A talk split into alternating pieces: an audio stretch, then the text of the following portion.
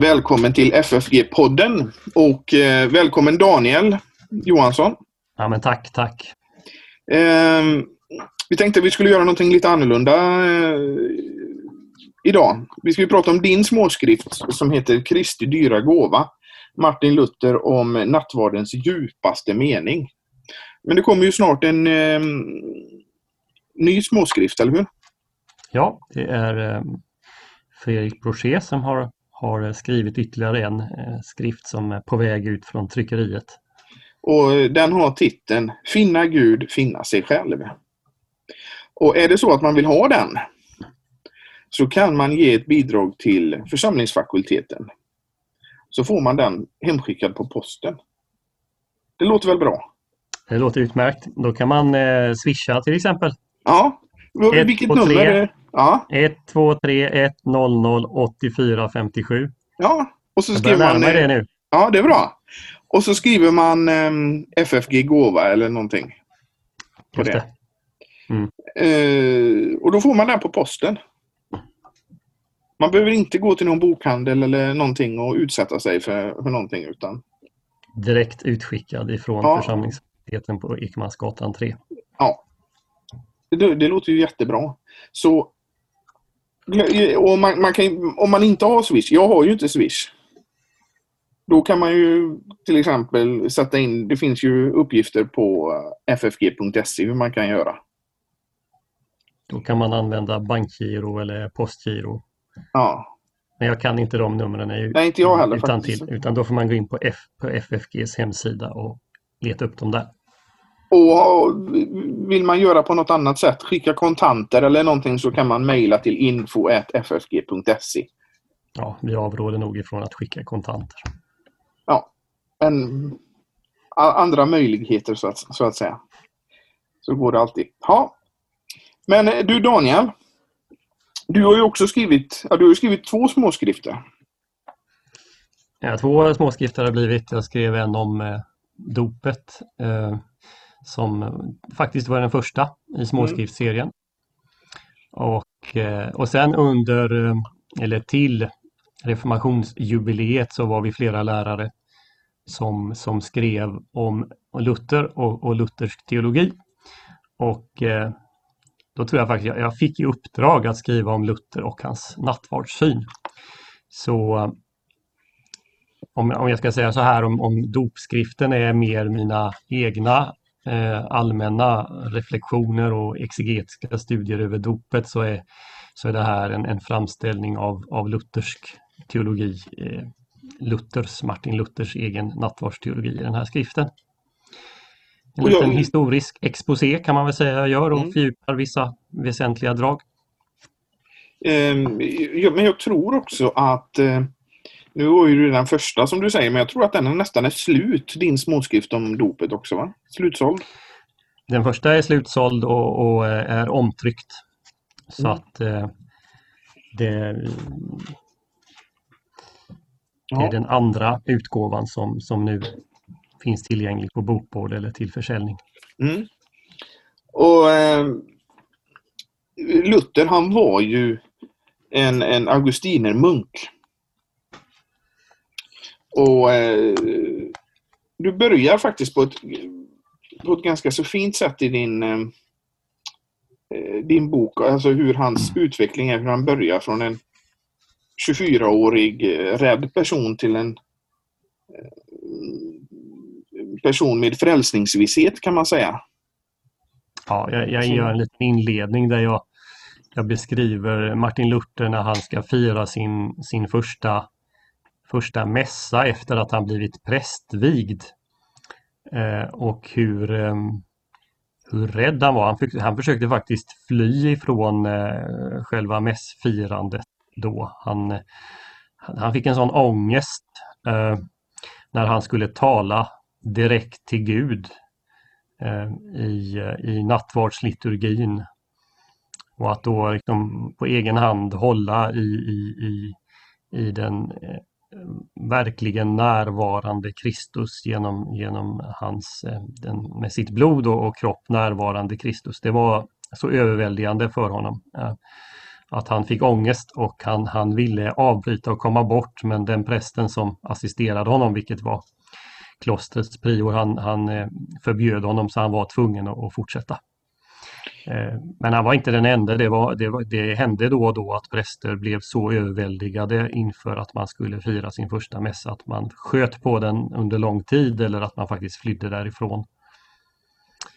Men, men eh, vi har ju hört historier berättats om Luther när han skulle ta emot nattvarden.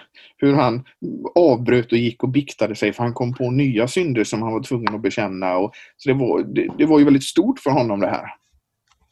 Ja, nej, men det, det, finns eh, många eh, sådana berättelser i, i hur Luther är eh, överväldigad och skräckslagen inför det direkta fysiska mötet med, med Kristus i, i nattvarden.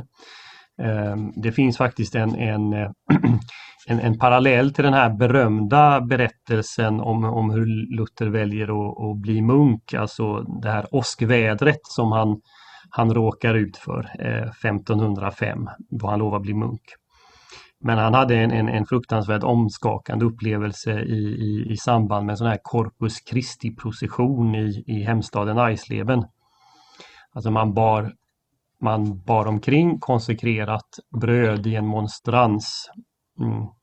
Och då vid ett sådant tillfälle så kom det en, en så stark och omskakande fruktan över honom. Han, han blev liksom så plötsligt medveten om Kristus domarens närvaro i den här monstransen.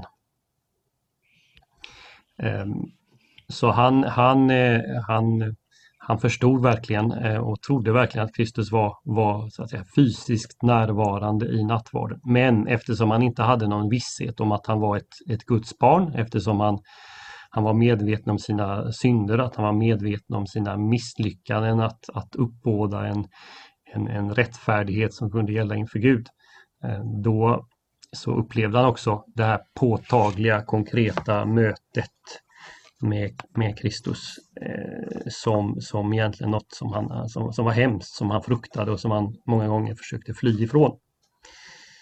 Eh, men när han väl, när han väl fick sitt reformatoriska genombrott, då fick han också en helt annan förståelse av, av natt, eller kanske inte så mycket en annan förståelse, men han kunde med en helt annan visshet och glädje komma till nattvarden. För eh, då var det, som, som boken heter, det var Kristi dyra gåva som han, han fick ta emot i nattvarden. Mm. Men, men eh, det, det, som man måste ha lite som, som bakgrund här tänker jag att eh, det är att det, det här var i ett romersk-katolskt sammanhang. Som Luther var. Ja, det var ju det medeltida kristna västliga eh, sammanhanget som han växte upp. Och, och, och med de, eh, de teologiska övertygelserna som, som folk hade och som, som lärdes av, eh, av, av prästerna och teologerna.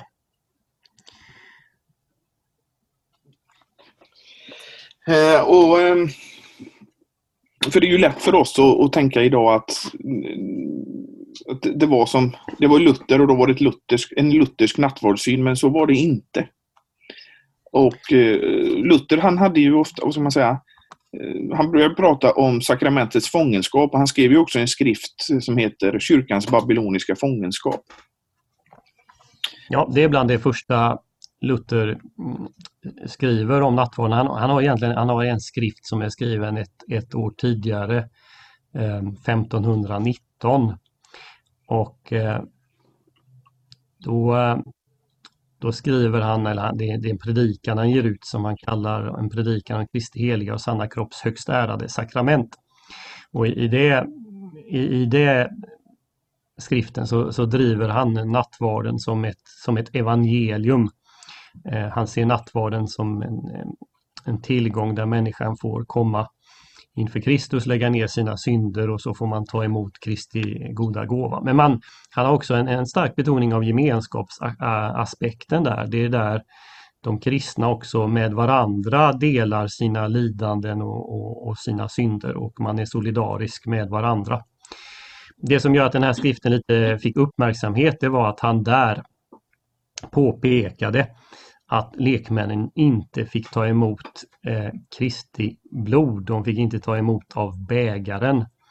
Och eh, han, han vädjar faktiskt eh, till, eh, eh till överheten om att man, att man nu ska eh, få ta del av även av, av vinet av, av Kristi blod i nattvarden.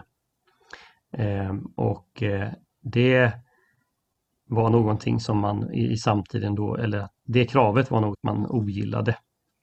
Mm. Och, och det, var, det var den första fångenskapen? Ja, det är det när, när Luther sen ett år senare, ungefär 1520, skriver då om, om kyrkans babylonska fångenskap som handlar om de sju sakramenten. Så, så, så talar han om, om tre fångenskaper som altarets sakrament har råkat i. Eller rättare sagt brödets sakrament för, för det är den rubriken han, han sätter på det. Han kallar det om brödets sakrament. Så det, bara det vittnar om att man firade nattvarden under då den, vad vi säger, den ena gestalten. Lekfolket fick bara ta del av brödet. Eh, det är den första fångenskapen han tar upp och, och han, han, hoppas att kyrkan ska kunna samlas till ett koncilium och fatta ett nytt beslut i den här saken. Ehm, ska jag, säga, jag kanske ska säga någonting om, om bakgrunden till att det blev ja, så här. Ja. Det. Ehm, det Nattvarden tycks inte ha, ha, varit föremål för någon större diskussion under fornkyrkan eller under eh, den tidiga medeltiden. De första tydliga framställningarna av, av nattvarden de kommer på, på 800-talet. Eh, och, och, då är det då är det ett par munkar eh, som, eh, som diskuterar den här saken. Radbertus eh, heter den ene och eh, eh, den andra är Ratramnus. Det låter nästan så här namn på, på medeltida trollkarlar där. Radbattus och Ratramnus heter de i alla fall. Eh, de är munkar vid samma kloster, vid klostret i Korbie. Och eh, den första av de här, eh, eh, Bertus, han, han eh, diskuterar nattvarden och han, han utlägger den som att, att, att, att det sker ett mirakel vid nattvarden. Det är Jesu eh, Jesu ord om, om nattvarden, att det är hans kropp och blod, måste vara bokstavligen sanna. Eh, så att genom att fira nattvard så, så får man en direkt personlig förening med Kristus. Ratramnus var av en annan orsak, eh, av en annan å, eh, heter det, åsikt, en, en, annan uppfattning. Han menar att vi ska förstå Jesu ord mer som, som metaforer. Så bröd och vin representerar Kristi kropp och blod. Eh, kyrkan gick inte in och fördömde någon av de här uppfattningarna utan det, de levde så att säga vidare sida vid sida. Men eh, det var Ramnus uppfattning, eh, förlåt, det var Radbertus uppfattning som, som blev den, den eh, dominerade. Och sen det blev det en ny diskussion på 1000-talet ungefär enligt samma linjer. Ehm, och det är då en av dem som eh, diskuterar den här saken Eh, ja, Lanfranc hette de, han var ärkebiskop av Canterbury och så var det Berengar av Tours. Eh, de diskuterade frågan och Lanfranc han försvarar Radbertus position att det verkligen är Kristus som är fysiskt närvarande. Och då använder han sig av Aristoteles distinktion mellan substans och accidens för att förklara vad som händer med nattvardens element. Eh, och, och, då menar han att substansen som är någontings grundläggande natur. Den, den förändras, den går från att vara bröd till Kristi kropp. Medan accidensen som är yttre egenskaper, vad någonting, hur någonting ser ut, hur det luktar och smakar och så vidare, det består. Och det, här, det här kallas för sedermera för transsubstantiationsläran. För då, det betyder att substansen förändras eller substansen förvandlas. Och den uppfattningen om nattvarden kom sedan att, att slå igenom helt och hållet och, och, och fastslås vid fjärde Laterankonciliet 1215.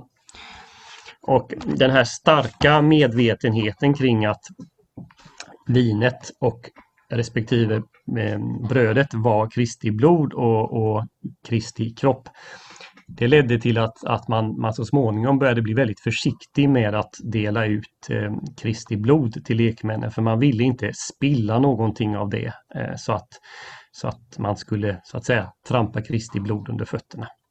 Och så småningom så, så upphörde man att ge vinet till lekmännen. Eh, och det är det som är en av bakgrunderna till, till eh, den husitiska reformationsrörelsen i Böhmen. Eh, en av de sakerna som Johan Hus kräver det är att, att lekmännen ska få fira nattvarden med båda gestalterna. Då vet vi att, att Hus han lider ju martyrdöden men hans efterföljare får faktiskt så småningom ett undantag Eh, och de, de får rätt att kommunicera under båda gestalterna från 1433 och framåt. Eh, och det, det var Luther då vill eh, det är att det beslut om den här saken som fattades i konstiliet i Konstans 1415 det, det, är då man gör upp med, med hus och man avrättar honom också. Att det beslutet ska upphävas, att, att påven ska kalla till ett nytt koncilium där man fattar ett annat beslut som tillåter lekfolket att också få del av Kristi blod. Eh, och, och, och det, för det argumenterar då Luther i den kyrkans babylonska fångenskap. Och han argumenterar exegetiskt. Han, han påpekar att Jesus säger ju drick här av alla. Och, och, det kan väl inte bara gälla prästen, för prästen fick ju del av Kristi blod, utan det måste ju gälla alla. Eh, och det, det, så det, det, är Luthers huvudargument för att eh, lekmännen ska få, få nattvarden under både bröd och vin. Du nämner Aristoteles lära om eh, substans och accidens. Och är det här är det här det börjar komma in? Det, Aristoteles var ju en väldigt eh, Eh, viktig eh, figur för eh, de medeltida teologerna. Ja. Ja, om det börjar komma in, alltså Aristoteles i teologin så används han väl lite mer flitigt när vi kommer, kommer fram till 11-1200-tal. Mm. Men, men det väl inte det att Aristoteles filosofi eller Platons för den delen heller var helt okänd under hela medeltiden. Det fanns, tillhörde ju bildningen. Men, men när Aristoteles blev eh, översatt till, eh, ja, eller till latinet, och om jag minns rätt nu här så var det ju egentligen via via vissa arabiska filosofer som han blev känd på nytt, eh, eller vad ska jag säga, att, han, att man fick tillgång till hans skrifter. När, när man kan läsa lite mer utförligt vad Aristoteles eh, lärde och filosoferade, det, det, det är då det börjar användas i eh, också i stora teologiska framställningar. Vi kan tänka på Thomas av Aquino till exempel. Mm. Luther har ju allmänt lite svårt för, för Aristoteles. Kan man jo. säga. Och Melanchthon sa väl först, eh, vi kan inte lita på, på någon teologi för först var det förpestat av Platon och sedan av Aristoteles tillbaka till, till källorna i det här fallet, tillbaka till, till då gamla och nya testamentet. Mm. Det var ju stridsropet i samtiden, humanismens men också reformationen. Mm. Och då, då gör Luther det, han, han går tillbaka direkt till, till Jesu instiftelseord. Vad är det Jesus säger egentligen? Jo, här finns också ett drick här av alla. Mm. Och då bör vi fira nattvard på det sättet. Det är hans argument. Uh, om, om vi, vi, vi, spinner vidare på det här med bägge elementen. Så var, var, det ju så att, är det, är det ju så att i den romerska kyrkan så uh, får lekmännen fortfarande inte ta emot vinet? Ja, det får de. Det, det, får man sedan andra Vatikankonciliet, men det kan se olika ut i olika kyrkor. Så i en del så får man ta del av båda gestalterna och i andra fortfarande bara av brödet. Det hade vi i den eh, svenska reformationen så var det ju också tal om att i förhandlingar mellan Rom var det väl att eh, i Sverige så skulle man få ta emot bägge elementen. Och ändå vara kvar ja, under vi kommer fram till, alltså, ja, vi, vi, har ju vår egen reformationshistoria med, med Gustav Vasa och hans tre söner. Ja. Eh, men bland, bland dem med Johan den tredje som vill finna en lite mer förmedlande position, en medelposition så att säga mellan ska vi kalla den, den medeltida katolska teologin och, och då det, det, reformatoriska. Han vill ha en, en, en reformkatolsk teologi. Och, och, bland de sakerna som han försöker förhandla fram är då att, att man ska få nattvarden under båda gestalterna och även att prästerna ska kunna gifta sig. Mm. Så det var, inte, det var säkert inte så att, att det var bara Luther och andra reformatorer utan att det, det kunde också finnas en sån tanke bland, bland så kallade reformkatoliker. Men var det så att när, när Luther gjorde sitt eh, reformatoriska genombrott att han började på, på eget bevåg att ge bägge elementen till lekmännen, eller hur? Nej, det gjorde han inte, utan eh, för honom var det viktigt att handla pastoralt, eh, som han säger, så att det, det dröjde faktiskt eh, ett, eh, ganska många år innan man i, i Wittenberg började fira nattvarden under, under båda gestalterna. Eh, han, som sagt, redan 1519 och det är ju då strax efter hans reformatoriska genombrott, tror jag i alla fall. Jag tror det ägde rum någon gång 1518. Eh, så, så tar han upp det här eh, första gången och sen så återkommer han till det 1520 och han, för honom är det väldigt viktigt. Då kan man ju tänka sig att man genast i Wittenberg börjar fira nattvard på det här sättet. Nej, det gör man inte. Man fortsätter att fira mässa som, som förut. Och um, istället säger Luther vi måste undervisa folket om det här. Och, och han undervisar mm, tålmodigt under flera, flera år. Och faktum är att eh, nattvardsfirande under båda gestalterna, eh, det, det dröjer det fram till att, att Luther sitter på Wartburg. Och då är det hans vikarie, så att säga, Andreas Karlstadt, som, som utlyser ett nattvardsfirande, ett evangeliskt nattvardsfirande eh, Eh, för eh, vid jultiden. Eh, 1521 så utlyser han det här. Eh, och det där blir något av en, en, en, en, lite skandalöst det hela. Så myndigheterna försökte förhindra det där. Det var, så att Karlstad han hade utlyst det till nyårsdagen. Ehm, och sen så förstår han att det här vill man förhindra. Då passar Karlstad på att, att flytta det till juldagen. Och det var väl flera saker eh, i under det här nattvardsfiraren som, som väckte, väckte anstöt.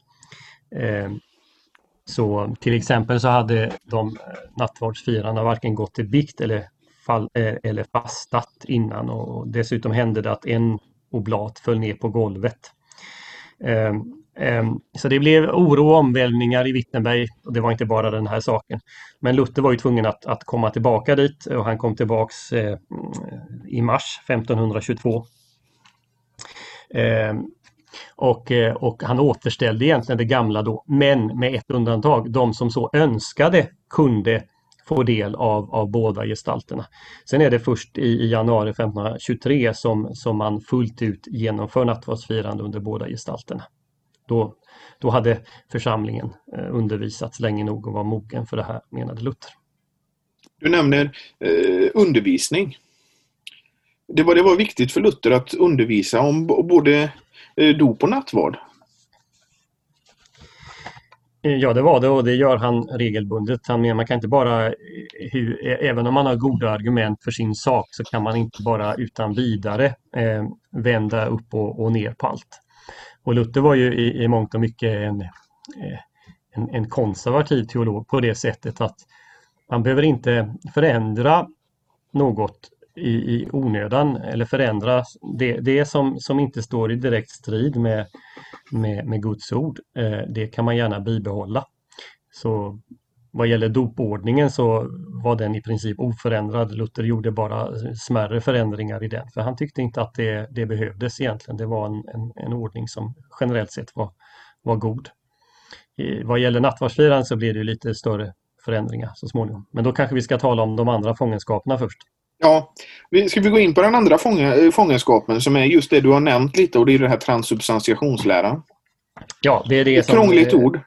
Det är lite krångligt. Det är krångligt att stava, det är krångligt att uttala transsubstantiationslära. Särskilt när man kommer ner ifrån Småland och ska försöka få till ett, ett rullande tungspets här så blir det, blir det jobbigt att uttala det. Eh, det tar han fram som den andra fångenskapen och då säger Luther att det, det, det där är inte riktigt så allvarligt. Han, eh, det, det är ju vissa filosofiska föreställningar kring, kring nattvarden. Eh, han tycker inte de är riktiga och han åter igen så, så talar han om, om, eh, om eh, han anför bibelargument för, för sin sak. Eh, transubstantiationen innebär ju en, en förvandling så att brödet upphör att vara bröd i sig. Även om det, dess yttre accidenserna, det ser fortfarande ut som bröd, så upphör det att vara bröd. Och den förklaringen hade Luther eh, problem med. Därför att på en del ställen i Nya Testamentet så, så talas det fortfarande om Kristi kropp som bröd efter att det, det tycks vara invigt till att vara, vara Kristi kropp. Eh, till exempel så kunde han hänvisa till första Korinthierbrevet 10.16 där Paulus frågar brödet som vi bryter, är det inte en delaktighet av Kristi kropp? Han kallar det fortfarande för bröd. Och därmed så, så tycker Luther då, ska vi inte, då, då fungerar inte transubstantiationen och, och filosofin kring den som förklaring på vad som händer med brödet och vinet i samband med nattvardsfirandet. Eh, så Luther han kommer med sin egen eh, förklaring till den saken. Och då kopplar han tillbaka till den fornkyrkliga kristologin och hur man förstår Kristi två naturer, det vill säga att Jesus är sann Gud och sann människa på en och samma gång. Det hade ju varit en, en strid om i fornkyrkan på 400-talet hur man skulle förstå att de här hänger ihop. En del menade att det gudomliga och det mänskliga ungefär som blått och, och gult blandades ihop och blev grönt, det vill säga att, att gudamänniskan Kristus var något som var, var, var så att säga en unik blandning av gudomligt och mänskligt.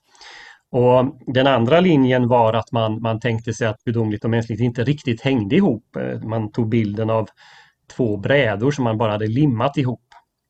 Men det som var, blev den normerande positionen eh, det var att, att visserligen så bibehölls de två naturerna men de var så intimt eh, förknippade, omfamnande varandra. Eh, och man tog bilden av det glödgade järnet. Man har en järnbit och man har eld. Och när elden eh, kommer samman med, med järnet så uppstår ett glödgat järn. Men, men elden är fortfarande eld och järnet är fortfarande järn. Men det finns ingen del av järnet som inte är genomträngt av elden. Eh, denna så kallade, eh, ibland kallar vi den, associerar vi den kristologin med, med Kyrillus. Det här, det här var en, en hjärtesak i Luthers hela teologi. Han, han återkommer till det här många gånger, till den här förståelsen av Kristus. Och nu så, så föreslår han i babylonska fångenskapen att så ska vi också tänka om nattvardselementen. När instiftelseorden är lästa, när, när Kristi ord har kommit till elementet, då uppstår sakramentet. Så säger Luther senare i sina katekeser. Och när detta ord kommer till brödet och till vinet, då har vi på samma gång, precis som i Kristi två naturer, på samma gång har vi Kristi bröd och Kristi kropp. Kristi, eh, eller jag ska säga bröd och Kristi kropp och vin och Kristi blod. De står där liksom sida vid sida. Det betyder att Ja, det betyder att det händer någonting Eh, för, för, för, brödet är inte längre bara bröd. Det är bröd med ord som, som, så att det är Kristi kropp. Men det är ingen förvandling på det sättet att brödet upphör att vara bröd. Det är det som Luther vänder sig mot.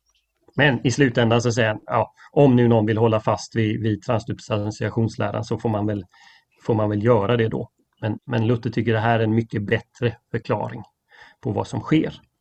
Vi kan ju säga till våra lyssnare också att om man vill eh, vad fornkyrkan kom fram till om det här med Kristi två naturer så har vi det som vi kallar för den nicenska trosbekännelsen. Eh, ja, det har vi. Eh, fast där har vi inte så mycket av, av, av naturerna. Då vill man läsa riktigt noggrant om dem, då ska man faktiskt ta nästa bekännelse Atanas, som nästan ja. inte går, går att uttala. Den atanasianska trosbekännelsen. Ja. Som är den tredje av de fornkyrkliga bekännelserna vi har i vår, eh, anslutit till i vår lutherska kyrka. Där finns det lite utförligare kring de två naturerna. Ja, Nej, men jag tänkte, det står ju i Nissen, sann Gud och sann, sann människa och sånt där. Ja, så att, båda aspekterna finns där. Och det är de Luther tar fasta på när han utlägger den här saken i Lilla katekesen. Och jag, tänk, jag, tänker också när vi, när vi pratar om det här så är det att både eh, som du säger den nicenska och den atanasianska trosbekännelsen, det står ju avfattad mot arianerna. Det, alltid kommer ju, de här lärouppfattningarna kommer ju alltid ur någon oenighet. Ja, det, det stämmer. Och, och, så var det också eh, förmodligen, vi talar om, om nattvarden här på 1800-talet. Det blir en diskussion i och med att en oenighet uppstår. Mm. Och, och, det är ju bakgrunden till, till det Luther tar upp här också. Han tycker att det har uppstått eh, missbruk i, i kyrkan. Mm. Och sen har vi ju det, om vi tar, går in på efterspelet lite, så, så blir ju den lutherska nattvårdsuppfattningen en mellanväg mot det katolska med transubstantiationslära. Och så har du det reformerta där det är som tecken, alltså att det är inte Kristi kropp och blod utan det är bara tecken på det. Det är tecken, det, det är symboler. Mm. Eh, och då kan man, man kan väl, eh, ja, i någon mån kan man säga att, eh, att det blir en, en mellanposition här. Så finns det faktiskt vissa aspekter på, på nattvarden som jag är inne på här i den här boken där man, eh, man ur ett perspektiv kunde säga att eh, det reformerta och det, eh, det katolska hamnar på samma sida. Men det behöver vi inte gå in på nu. Nej. I just den här saken så blir det lutherska någon slags mellanposition. Ja. Och, um, men, men i alla fall det här med transubstantiation, det, det, vi var ju inne på det lite innan och det är ju då Aristoteles eh, terminologi som används här. Ja, hans terminologi och hans ska säga, förståelse av, eh, av hur tillvaron hänger ihop. Jag kommer ihåg själv alltså när jag läste om det här att det är inte så lätt att man kan säga att någonting är substans eller accidens.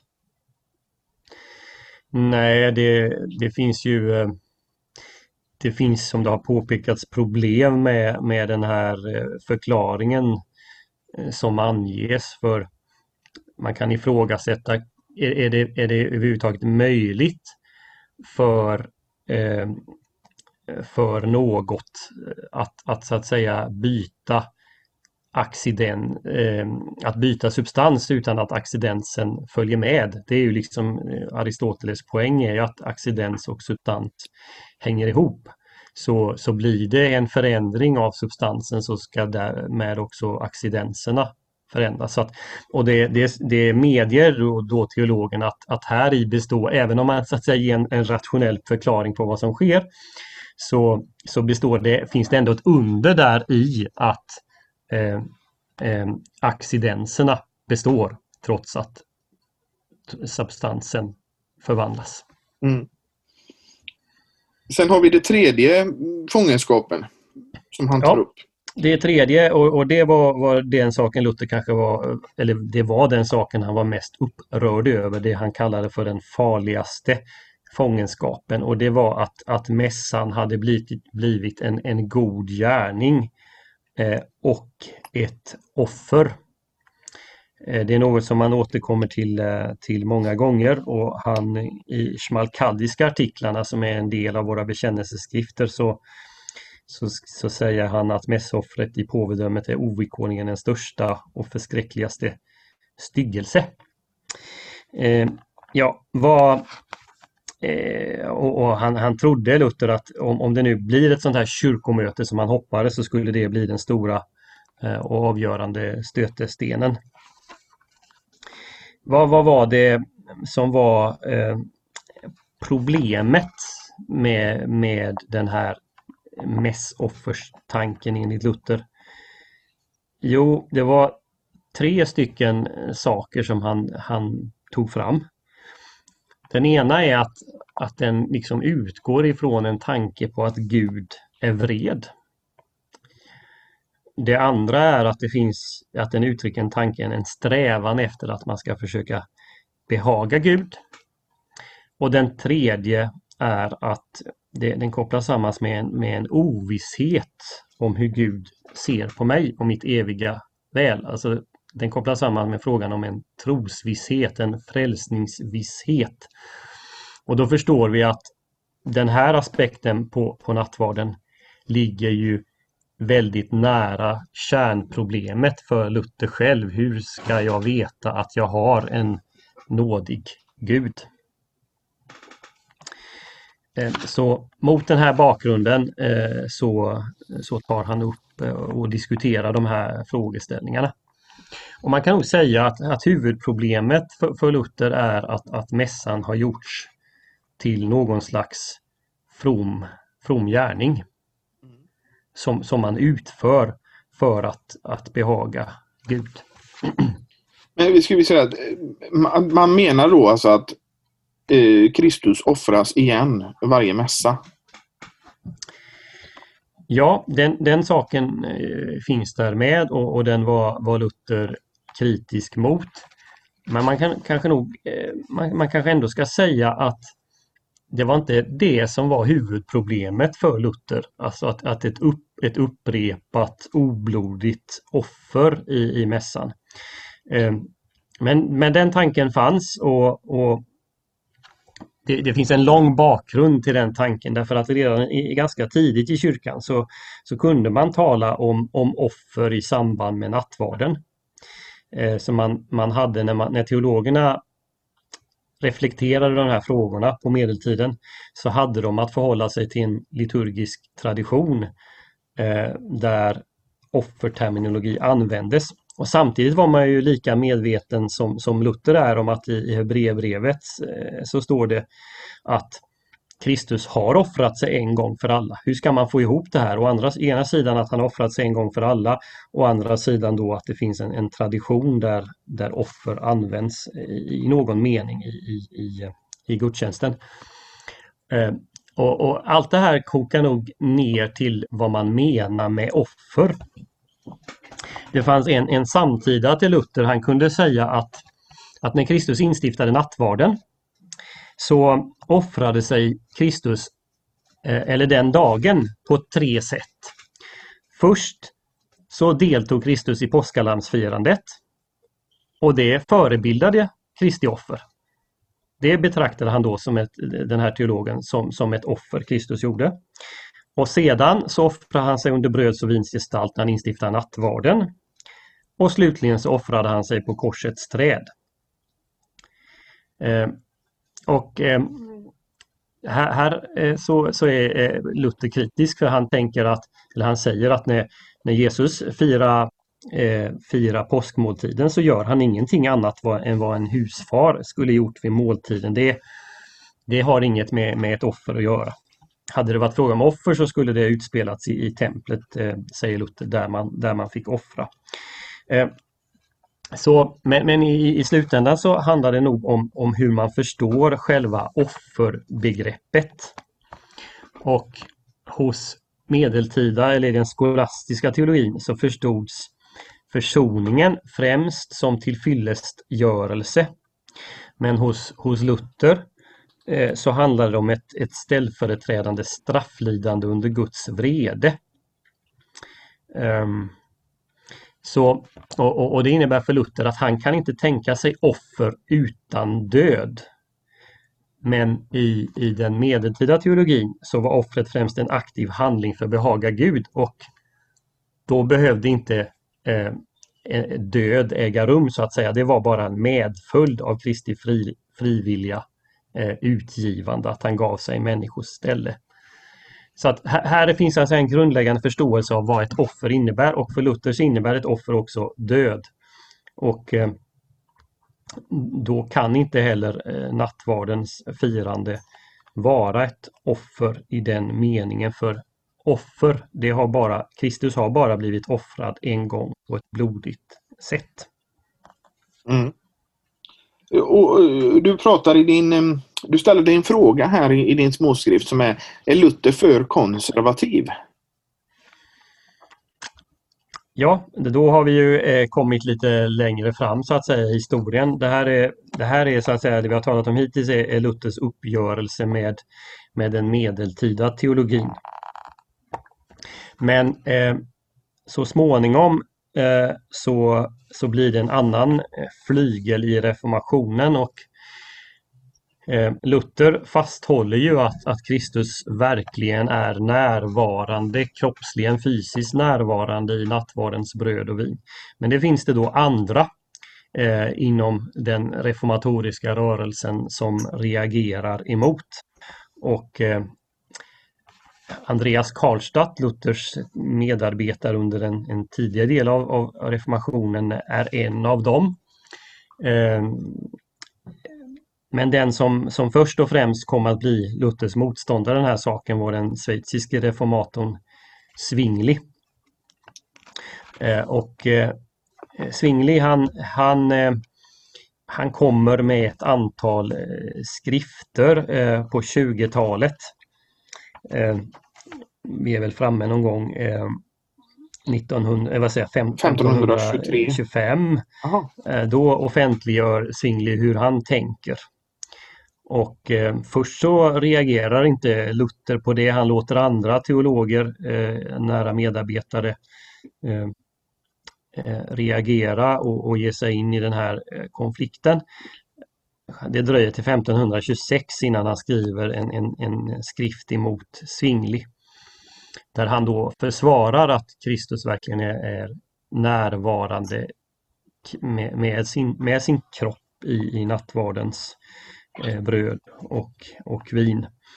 Och eh, så blir det ett utbyte här mellan eh, och, och Luther under åren som följer.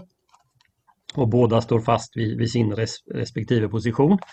Och det här blir ju då en, en, en, en nyckelfråga när man försöker eh, hitta en, en, gemensam hållning gentemot eh, påven. Så 1529 så samlas då Eh, Eh, reformationens båda flyglar i Marburg för att försöka komma överens i den här frågan. Det är då Luther har ristat in det här ordet est är på latin i, i bordet. Eh, medan Zwingli å andra sidan ständigt återkom till Johannes 6.63 där det står att köttet inte äter någon nytta. Det var ett huvudargument för honom att, att, eh, att nattvardens eh, eh element så att säga bara är symboler för, för Kristi kropp och blod. Vi har ju varit inne på det om kristologin och nattvarden. Det, har vi, det nämner du också här i din bok, i din småskrift. Ja, och eh, kristologin var ju en, en, en jättestor fråga i fornkyrkan. Eh, först så, så, var det ju då en, en, en diskussion och en uppgörelse med de som förnekar att Kristus var sann Gud och sen så blev det då en, en, man försökte på olika sätt klargöra hur det gudomliga och det mänskliga hängde ihop i Kristus. Just med anledning av nattvardsstridigheterna så blev det också en, en förnyad diskussion av kristologin. Eh, och, och då framförallt hur, hur, natt, eh, hur Kristi eh, nat mänskliga natur eh, hänger ihop med den, med den gudomliga naturen. Eh, Svingli som jag, som jag precis sa, han, han, han menar att det var omöjligt för Kristus att vara fysiskt närvarande i nattvarden eftersom han befann sig på Faderns högra sida i himlen. Eh, Luther eh, kritiserade Zwingli på den här punkten. Eh, till att börja med så, så menade Luther att när, när det står att, att, att eh, Kristus är på Faderns högra sida så är det först och främst en utsaga om att Kristus deltar i Guds allmakt, i hans regering och i hans allestädes närvaro. Eh, hans allestädes närvaro. Så att att Kristus är eh, en konsekvens av det här det är då att Kristus är överallt där Gud är. Och Gud är överallt. Men, men det, det kunde inte Svingli gå med på. Eh, jo, han kunde med, gå med på det att ja, det stämmer vad beträffar Kristi gudomliga natur. Men vad gäller Kristi kropp, hans mänskliga natur, så befinner den sig bara på en plats. Och om man tänker lite kring det här då, då förstår man att vad diskussionen djupast sett handlar om det är hur Kristi två naturer hänger ihop. Och för, för Svingli eh, så kan man ju ana att, att, att det finns en viss eh, eh, eh, eh att, att, att den gudomliga och den, kris, eh, den gudomliga och den mänskliga naturen inte tycks vara så tätt sammanfogande För den mänskliga naturen finns på Guds högra sida. Den gudomliga naturen finns förvisso där men också överallt annat. Överallt annat i, i universum. För Luther däremot som ansluter då till, till eh, Kyrillus och den här glödgade järnet-kristologin. Där är den mänskliga naturen så tätt sammanfogad med den, med den gudomliga att överallt där den gudomliga naturen är, där måste också den, den mänskliga naturen vara. Så, så Luther han anklagade Zwingli för att vara en efterföljare till Nestorius som hade delat på naturerna på det här sättet. Han hade använt den här bilden av två sammanlimmade brädor. Om inte jag minns fel så kallade Luther Nestorius för dum i huvudet. Ja, han, eh, man kan väl säga så här, det är ett uttryck för att, att Luther tyckte, han, han var inte särskilt fördömande egentligen emot Nestorius. Han, han tyckte bara att han, han, borde ha förstått bättre, kan man väl säga, med det, med det uttrycket. Men med den, här, med den här förståelsen av vem Kristus är och hur naturerna hänger ihop så kan Kristi mänskliga natur vara närvarande överallt. Och då finns det inget hinder för att, att hans kropp och blod också är fysiskt närvarande i nattvarden och dessutom om nattvarden firas på många platser samtidigt. Det, det är inget problem. Nej. Eh, men, men och, ja. Ja, men, och, och, och, det är lite en, ska säga, en intressant illustration på det här problemet. Det är hur man förstår hur, eh, hur Jesus eh, går eller kommer ur graven på påskdagens morgon och likadant hur han kommer in till lärjungarna när de är församlade. Eh, Jesus, alla var överens om att, att stenen fanns ju kvar till Eh, ängeln kom och rullade undan den. Alltså måste Jesus på något sätt ha tagit sig ut genom stenen. Och eh, enligt ja, det är väl senare Calvin, han, han menar att, att Kristus då väldigt snabbt gör ett hål i stenen och tar sig igenom det och på samma sätt så gör han ett hål, en, en springa genom dörren in eh, till rummet där lärjungarna är församlade för att ta sig igenom den. Eh, medan, medan Luther eh, menar att eftersom den mänskliga naturen ha, har kunnat få del av gudomliga egenskaper så kan den mänskliga naturen på samma sätt som den gudomliga tränga igenom både stenen och genom dörren. Eh, men jag, tänk, jag tänkte på just det och det är en, en, sak som du har, en fråga som du har varit inne i lite och det är ju det här med att inkarnationen den fortgår ju. Alltså det är ju inte... Eh, han har ju fortfarande sina bägge naturer, Jesus.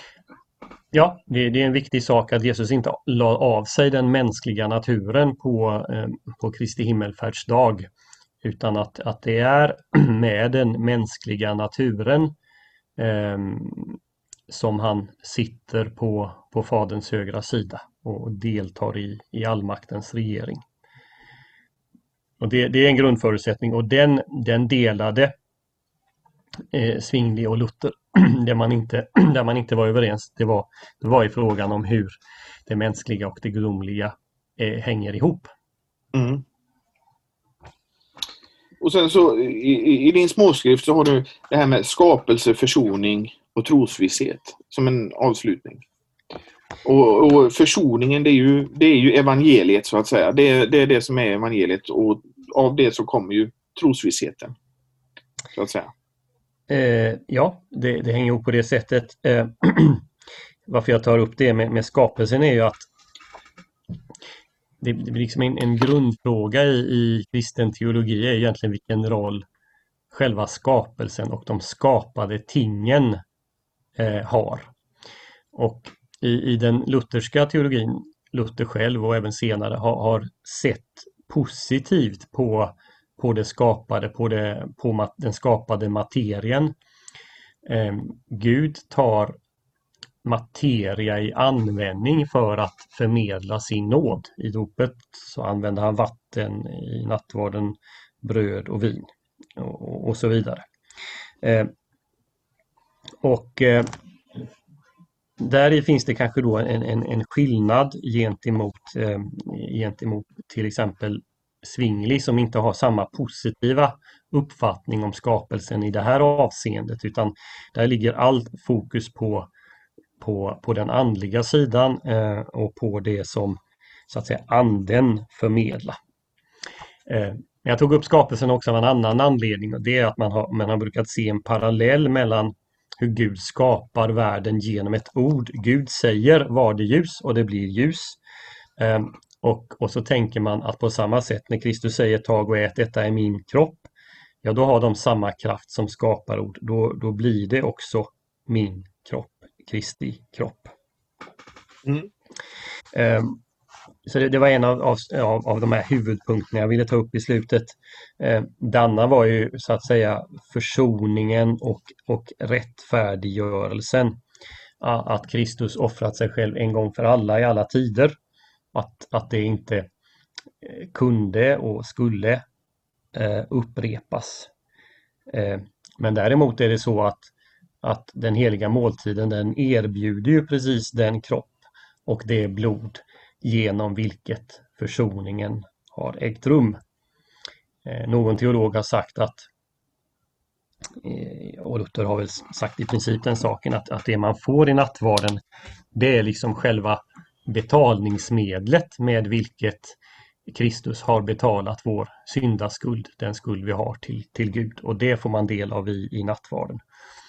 Och, och de ord då som är, är viktiga i nattvarden är för dig utgiven och för dig utgjutet. Den här, den här påminnelsen, det här försäkrandet att det gäller just dig. Mm. Den, den som deltar i natten. Och, och det, det, är ju någonting som har varit väldigt framträdande i det som man kallar för den västsvenska kristendomstypen. Just att, för, för dig utgivet, för dig utgjutet. Ja, jag tror det har varit framträdande i all typ av, av lutherdom för det liksom ligger i själva nästan i, i DNA. Att det, det gäller det. Det är liksom evangeliet är koncentrerat till det här för dig utgjutet, för dig utgiven. Att, att Kristi, Kristi offer, det han gör på Golgata gäller för dig. Det kan vara vår enda grund för, för trosvisshet, för frälsningsvisshet.